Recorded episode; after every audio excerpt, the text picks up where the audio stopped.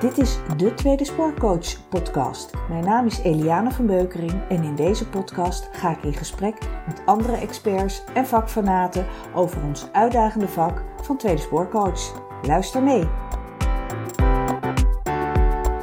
Hallo luisteraars, bij mij heb ik Janske van Eersel, werkzaam als ontslagpsycholoog. Nou, Janske, wil jij uitleggen wat je doet als ontslagpsycholoog? Ja, natuurlijk wil ik dat uitleggen. Ik ben gepromoveerd op het onderwerp rouwreacties als gevolg van onvrijwillig baanverlies. Een hele mond vol, oftewel gewoon rouwen om baanverlies. Dat, uh, dat bekt wat lekkerder. Uh, en ik begeleid al jaren mensen die vastlopen in rouwklachten door baanverlies of die hun baan dreigen te verliezen, zoals in sport 2, door gezondheidsverlies. Dus alles met baanverlies en gedoe en gezondheidsverlies, binnen wel de context van arbeid en gedoe, ja, daar, uh, ik word daar blij van.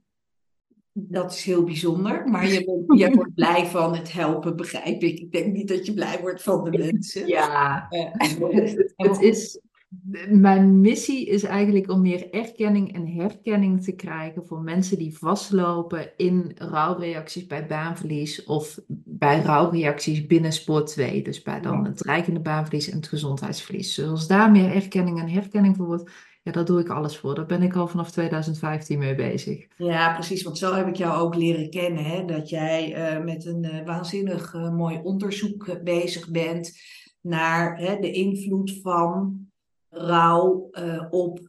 Nee, ik denk dat ik het niet helemaal goed zeg. Maar welke invloed gezondheidsklachten, het verlies van werk hebben op de, de rouwbeleving. Zeg ik het al goed? Wat ik nu aan het doen ben, is, of wat ik heel graag wil weten, laat ik het zo zeggen. Ik heb dus onderzoek gedaan naar rouwreacties naar onvrijwillig baanverlies. Maar daarbij was de component van, van spoor 2, dus was nog niet meegenomen. En ik ben echt heel benieuwd, hoe zit dat nou tussen de intensiteit van de rouwreacties? Heeft dat nou invloed op iemands werkzoekproces, op de kwaliteit van iemands werkzoekproces? En ik denk van wel, maar dat is gewoon nooit onderzocht. Dat is heel bijzonder, maar het, het is er gewoon nog niet. Totdat dat rouwen, baanverlies en rouw binnen sport 2, het is zo'n nieuw werkveld dat er heel veel ja. dingen weten we niet. Wel met boerenverstand, maar we hebben het niet onderzocht. En dat kan toch vaak dat dan de werkelijkheid net iets anders is dan ons boerenverstand in eerste instantie denkt dat het is. Ja, en toch uh, zie je wel, hè, dus, dus heel veel uh, mensen zijn zich in dit werkveld zich daar wel van bewust als ik kijk naar, hè, ik zie, zie heel veel reintegratiebureaus voorbij komen en ook hun aanbod. En bijna allemaal uh, bieden ze rouwverwerking. Ja, dat klopt. En onder, dat is onder andere gekomen doordat ik in 2015 ben gestart met mijn promotieonderzoek en al jaren aan de boom schud om het op de kaart te zetten. Ja. Dus het feit dat steeds meer mensen zich ervan bewust zijn daar ben ik heel blij mee. Dat er steeds meer erkenning en herkenning komt, ben ik ook heel blij mee.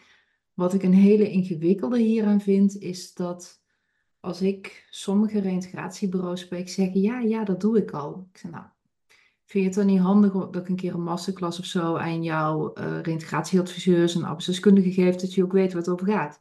Ja, maar we doen al zoiets. Ja, maar wat doen jullie dan? Ja, ja, daar is aandacht voor. Ja, hoe dan? En daar wordt dan niet echt antwoord op gegeven. Waar ik toch altijd een beetje een onbestemd gevoel bij krijg. Want zo'n moeilijke vraag is het niet. Ja. Als je daar geen antwoord op kan geven, wat ben je dan aan het doen? Of ze halen Kubler-Ross van stal. Kubler-Ross is een oud uh, rouwmodel. En wat Kubler-Ross eigenlijk heeft gedaan... Het kan zijn dat ik nu weer mensen tegen de, zere, tegen de schenen schop. Maakt maar... niets uit. Ieder zijn mening. maar Kubler-Ross heeft fantastisch onderzoek gedaan over hoe een rouwproces verloopt van een, zieke, van een ziek persoon. Mm-hmm. En om een of andere reden, die mij nog steeds niet duidelijk is en niemand heeft het me nog kunnen uitleggen, is dat rouwproces, die fases die zij daar heeft geobserveerd tijdens dat ziekteproces terwijl iemand doodging, zijn geplakt op het rouwproces van de mensen in de omgeving een wezenlijk verschil. Want die mensen gaan niet dood, die leven gewoon. Dus er zit geen eindpunt aan. Dat is mhm. ook waarom ze zeggen, rouw heeft een eindpunt. Ja, als je doodgaat, ja, dan is het ja, dan uh, over het algemeen gaan we er even vanuit dat, dan, dat het dan ja. wel stopt. Ja. En dat, on, dat Kubler-Ross-model, dat is heel vaak onderzocht, uh, ook in de wetenschap, en er is geen enkel wetenschappelijk bewijs voor gevonden. En wat veel mensen ook zeggen, want je moet dan die vijf fases door, van uh, handelen, ja. depressie, en nou, bla bla bla. Ja, maar je hoeft ze niet alle vijf door. Je kan er ook drie door en het kan ook in een andere volgorde. Ja, wat heb je dan voor model? Dus dat model, want dat vinden ze dan heel fijn, dat plakken ze dan op die rouwende medewerker. Of op die persoon die geconfronteerd wordt met dreigend baanverlies of een gezondheidsverlies. Je moet gewoon die fases door en dan komt het goed. Ja, echt. Nee. Het is zo normatief. Rouw is zo'n uniek proces. Jij kan niet zeggen dat het voor iedereen op die manier werkt en dat jij eerst van A naar B moet gaan en dan naar C en dan is het opgelost. Echt allemaal hoela. Ja. Ik vind er iets van. Valt het op? Nou, begin me iets te dagen. ja, ja, ja, ja. Ja, is... Maar dan heb ik ook, hè, ik, eh, eh, tijdens de trainingen komt dat eigenlijk ook altijd wel naar, aan de orde. Hè. Bijvoorbeeld ook uh, arbeidsongeschikt door rouw. Ben je dan ziek, ben je dan niet ziek? Hè? Dat zijn natuurlijk ook hele interessante uh, discussies. want heel veel mensen vinden, ja, als je in de rouw bent, ben je ziek. Nou ja, weet je, dus dat, dat is natuurlijk toch... niet, hè. Het is Ehm, iedereen heeft zo zijn eigen manier van rouwen. Als je kijkt, het kan zijn dat jij meer verliesgericht bent of dat je meer herstelgericht bent. Dat, dat komt uit het duale procesmodel. Ja. Je hebt allebei die kanten nodig. Met de verliesgerichtheid, dan ben je meer bezig met het verlies. Je praat erover, je huilt erover. Nou, je bent daar echt mee bezig. Herstel, uh, schouders eronder, we gaan weer door en we gaan kijken wat er allemaal wel kan. Je hebt allebei die kanten nodig. En allebei die kanten zijn ook oké. Op het moment dat je je focus legt op één van beide, dan wordt het alsof je in een roeibootje zit en maar met één riem aan het roeien bent en maar rondjes blijft draaien. Ja. Dus er zijn mensen die inderdaad zo ongelooflijk ondersteboven zijn van hun verlies, dat zij gewoon een tijd even niet bij dat verlies weg kunnen, omdat het zo alles overheersend is. Er zijn ook mensen die vinden het juist heel fijn als ze wel kunnen gaan werken en wel dingen kunnen gaan doen. Maar hou daar wel rekening mee dat waarschijnlijk hun productieniveau anders is en dat de kans op fouten anders is, want hun concentratievermogen is anders, hun korte termijn geheugen is anders. Ze zijn constant bezig met die rouw. Ja. Dus mits een werkgever daar goede randvoorwaarden mee schept en echt in contact gaat met die persoon, wat heb jij nodig, wat werkt voor jou, hoe wil jij het hebben en, en, en daar helpend en steunend is, kan iemand echt wel dingen doen en misschien zelfs behoorlijk productief zijn. Maar dat verschilt wel per persoon. Dus ik vind niet dat als iemand rouw is, dat je per definitie ziek bent. Nee, precies. Nou, dat, dat vind ik ook. Maar dat je daarin arbeidsongeschikt kan zijn. Of even tijdelijk, uh, hè, of een bepaalde periode arbeidsongeschikt voor je eigen werk. Uh, maar, maar wel heel goed andere dingen kan doen. Hè? En dan, dan, dan hou ik het altijd maar eventjes bij mijzelf. Toen mijn vader overleed, was ik echt helemaal van de, van de wap. Want dat, dat was vrij plotseling en jong. En uh, mijn werkzaamheden als coach waren niet, niet echt passend op dat moment. Sterker nog, ik zat dan naar die mensen te kijken dacht ik, ja hallo, wat zit je te zeuren om? Voor mij is dit, eh, wat ik nu meemaak, dat is pas ja. nou, totaal irreëel. Maar ik kon wel heel, heel goed andere dingen doen toen de tijd. En dus, dus, weet je, daar, daar, daar kijk ik dan ook naar. En ik hoor in het werkveld natuurlijk heel vaak mensen die daar inderdaad heel wisselend mee omgaan. De een wil met rust gelaten worden, de ander wil juist, juist komen en niks zeggen, want dat, dat, dat stukje werk, dat is nou precies wat, wat ze houvast geeft, omdat het juist zo prettig is. Ehm, als je het hebt in een, in, een, in een tweede spoortraject, kan dat natuurlijk ook weer heel wisselend zijn, want dan heb je weer, nou ja, komt er ook nog een stukje rouw bij verlies van, van werk bij kijken. En gezondheid. Of ja, dat bedoel ik, eh, van gezondheid. En, en, en dus daarom je werk. Dus eigenlijk, ja, zeg, zeg maar uh, round kwadraat een soort van. Ik weet, dat het zo niet werkt, maar... En wat ik, wat ik dan ook wel hoor van mensen die in die situatie zitten, hè, dus de, de, de, de rouwende zelf, die gewoon echt heel boos zijn dat ze worden ziek gemeld, want ze zijn niet ziek, ze zijn gewoon heel verdrietig. Maar die worden wel door, de, door, die, door die poortwachter geduwd. Met alles wat daarin moet. En dat, dat is niet altijd passend voor het rouwproces. En ik snap wel, ik, ik heb het een paar keer meegemaakt met kandidaten, dat ik denk, ja, ik snap wel dat dat heel anders is. En dat het ook gewoon niet goed voelt om dan dat verzuimproces in te moeten. Maar heel veel werkgevers weten gewoon niet wat ze dan wel kunnen doen. Ja. Volgens mij heb jij daar geweldige tips voor. Suggesties. Nou ja, het is bij het, de, de, de, de, rouw door de dood. Dat, dat proces is voor een stuk vergelijkbaar bij, leven, bij rouw door levend verlies. Die processen zijn hetzelfde. Alleen de kans dat iemand vastloopt is, is, hangt heel erg af van, van hoe dat verlies gaat. Dus kijk, als jij een, een kind verliest of er gebeurt iets vreselijks zoals moord, vermissing, dat soort vreselijk traumatische omstandigheden, de kans dat dan iemand vastloopt in, in rouw is 45% Ja, dat, maar die begrijp ik. Ja, absoluut. Die aantallen liggen bij levend verlies, dus bijvoorbeeld door verlies van werk en verlies van gezondheid, liggen die veel lager als het gaat voor vastlopen in rouw. Dus dat, dat is een verschil. Maar dat neemt niet weg dat mensen door um, verlies van baan of verlies van gezondheid ook heel erg ondersteboven kunnen zijn. Want wie ben ik nu zonder?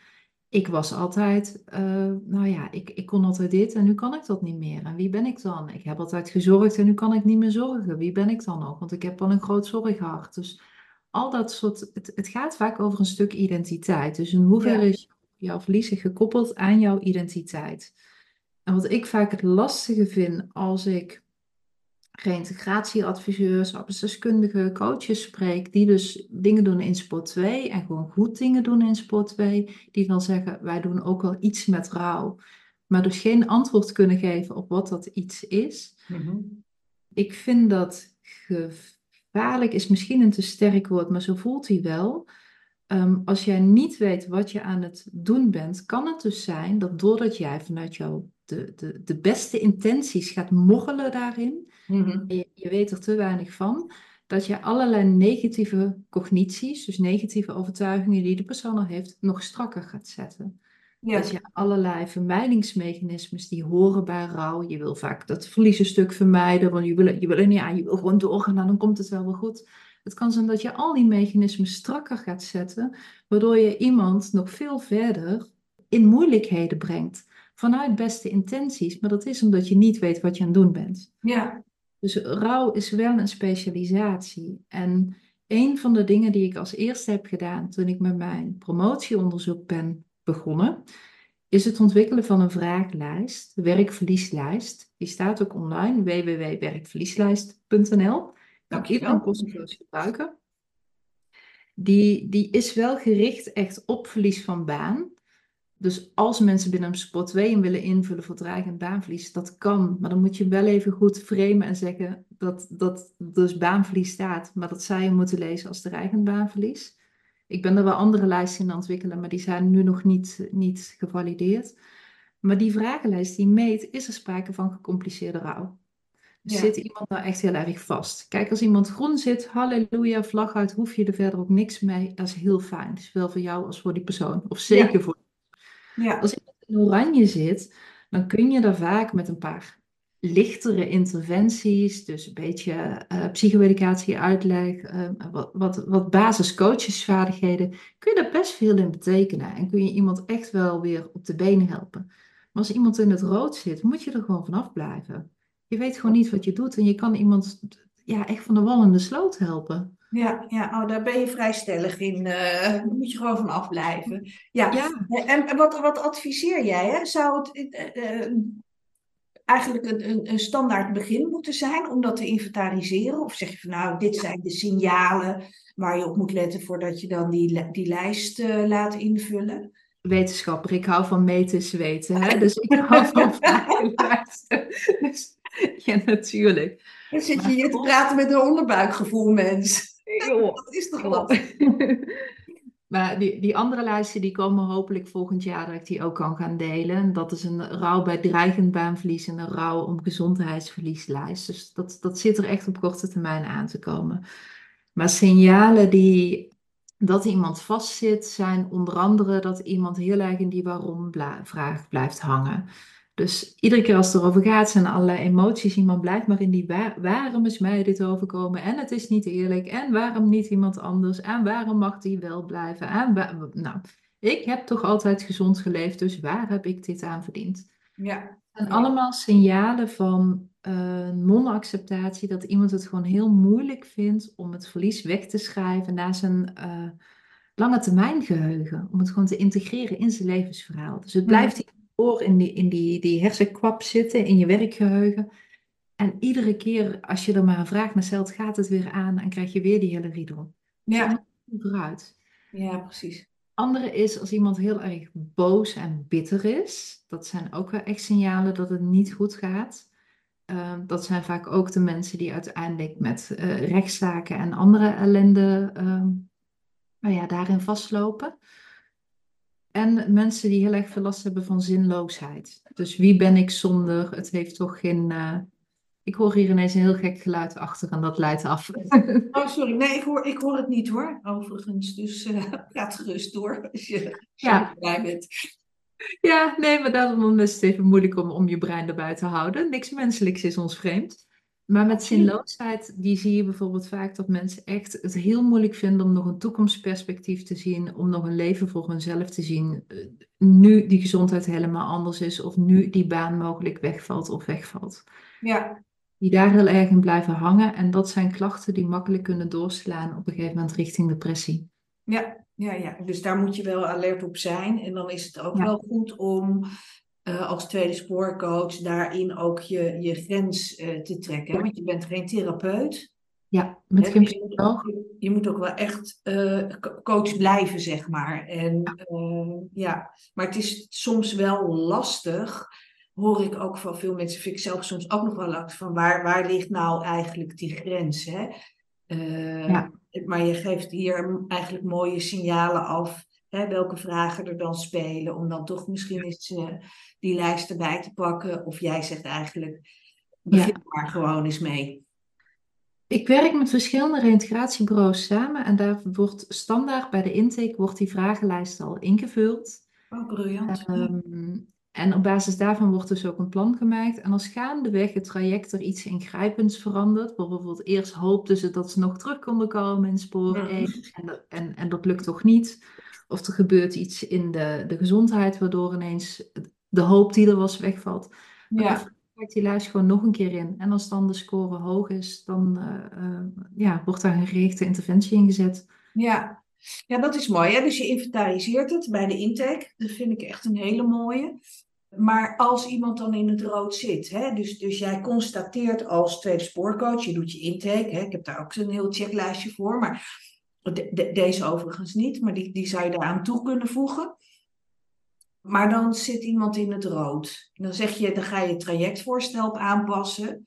Ja. Maar wat doe je dan als coach? Wat, doen die bureaus? Waar je er, zijn, er, zijn, verschillende dingen. Kijk, ik heb voor, um, ook vanuit mijn promotie, ik heb toen een transitie, of ik heb een transitietraining ontwikkeld speciaal hiervoor, voor deze problematiek. Dus rouw binnen sport 2 en, en rouw bij baanverlies. Dus allebei die kanten. En ik werk met verschillende coaches samen die ik hierin heb opgeleid, die de coachingsgesprekken hiermee doen. Want ik kan niet alles alleen.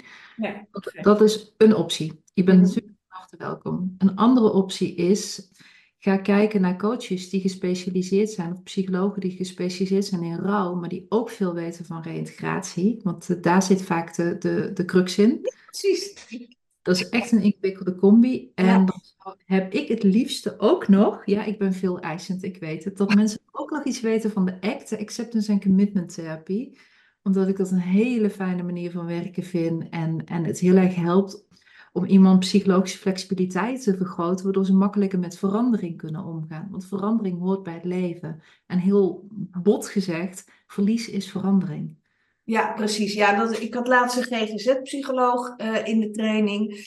En die zei, uh, even kijken, dan moet ik het wel goed zeggen, dat het een uh, rouw een aanpassingsstoornis is. En geen. Hè, dus, en, en, ja, daar ben ik het dan weer niet helemaal mee eens. Want op het moment dat je rouw volledig wegzet als aanpassingsstoornis, ik weet dat veel mensen dat, dat doen.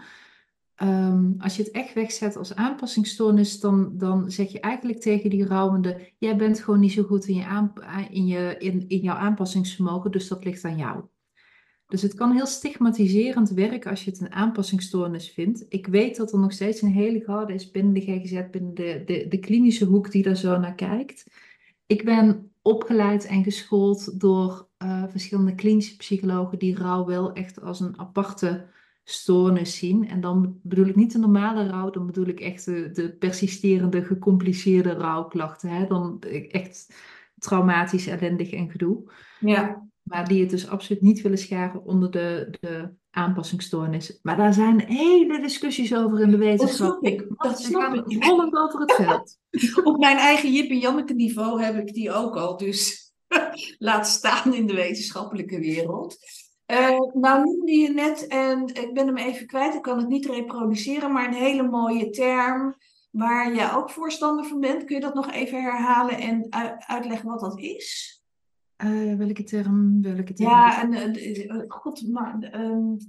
Bedoel jij de transitietraining? Of wat nee, en daarna zei je als mensen, puntje, puntje, puntje, en dan een prachtige Engelse volzin, die ik dus nu niet kan herhalen. Kak. ah, heerlijk. Nou, wat het, eh, rouw is verschillende dingen. Wat, hoe, hoe ik rouw vaak, vaak omschrijf, is rouw is de achterkant van liefde en hechting. Dus je moet ergens aan gehecht zijn om ergens om te kunnen rouwen. Dus als jouw baan niet belangrijk voor jou is en geen onderdeel is van jouw identiteit en alleen maar een manier is om geld te verdienen, zul jij geen rouwreacties ervaren.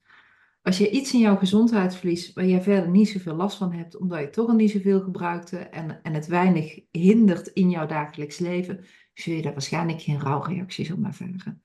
Maar als jij door jouw uh, gezondheidsproblemen niet meer kan doen wat je altijd heel graag gaat willen doen en altijd met heel veel plezier hebt gedaan, dan is de kans dat jij vastloopt in rouw een heel stuk groter. En dat zijn de mensen die vaak dus blijven hangen in de waarom is mij dit overkomen en dit is toch niet eerlijk. Of die heel boos en bitter worden of die helemaal hun toekomstperspectief in duiken zien, zien vallen. Oké, helder. Ja, die snap ik ook helemaal. Ik ga richting een afronding gezien de tijd. Uh, wat wil jij nog kwijt over dit onderwerp richting tweede spoorcoaches? Er is, als je iets met rouw wil, een er is een boek en dat heet Ieder zijn rouw van Ellen Dresens. En daarin staan verschillende oefeningen die je kan doen als iemand rouwklachten ervaart of rouwreacties ervaart. Ja. Dus voor de oranje scoorders, denk ik, of niet? Ja. Ja. Daar kun je dingen dus mee doen op het moment dat het gewoon milde rouwreacties zijn. Om iemands proces gewoon makkelijker te maken. Om wat laagdrempelige oefeningen te doen. Dit is niet bedoeld voor mensen die in het rood zitten. Nee, precies. Dus, dus daar kun je dingen mee, mee doen. En de andere is dus op het moment dat jij voelt van hé, hey, ik voel me hier niet comfortabel bij, of ik heb het, uh, iemand scoort echt groot, schakel dan hulp in. Dus of ga je zelf specialiseren, of kijk bij mij bij de, bij de transitiecoaches of zij iets voor je kunnen doen, of zoek zelf een coach in de omgeving die dus iets weet van en psychologie, en rouw, en reïntegratie, en de ACT. Ja, we hebben een heel verlanglijstje. Ja, precies. En ik roep altijd al van jongens, kijk, hè, tweede spoorcoach is echt een vak apart en er wordt al zoveel van je verwacht. En het is, er, komt, er komt nog een stukje bij. Ja, en wat nog een tweede is, als je er iets mee wil doen, het is oranje en je denkt, nou, ik vind dat leuk, ik voel me daar comfortabel bij, ik wil daar iets mee. Kijk daar goed naar of het handig is dat jij dat doet bij jouw cliënt.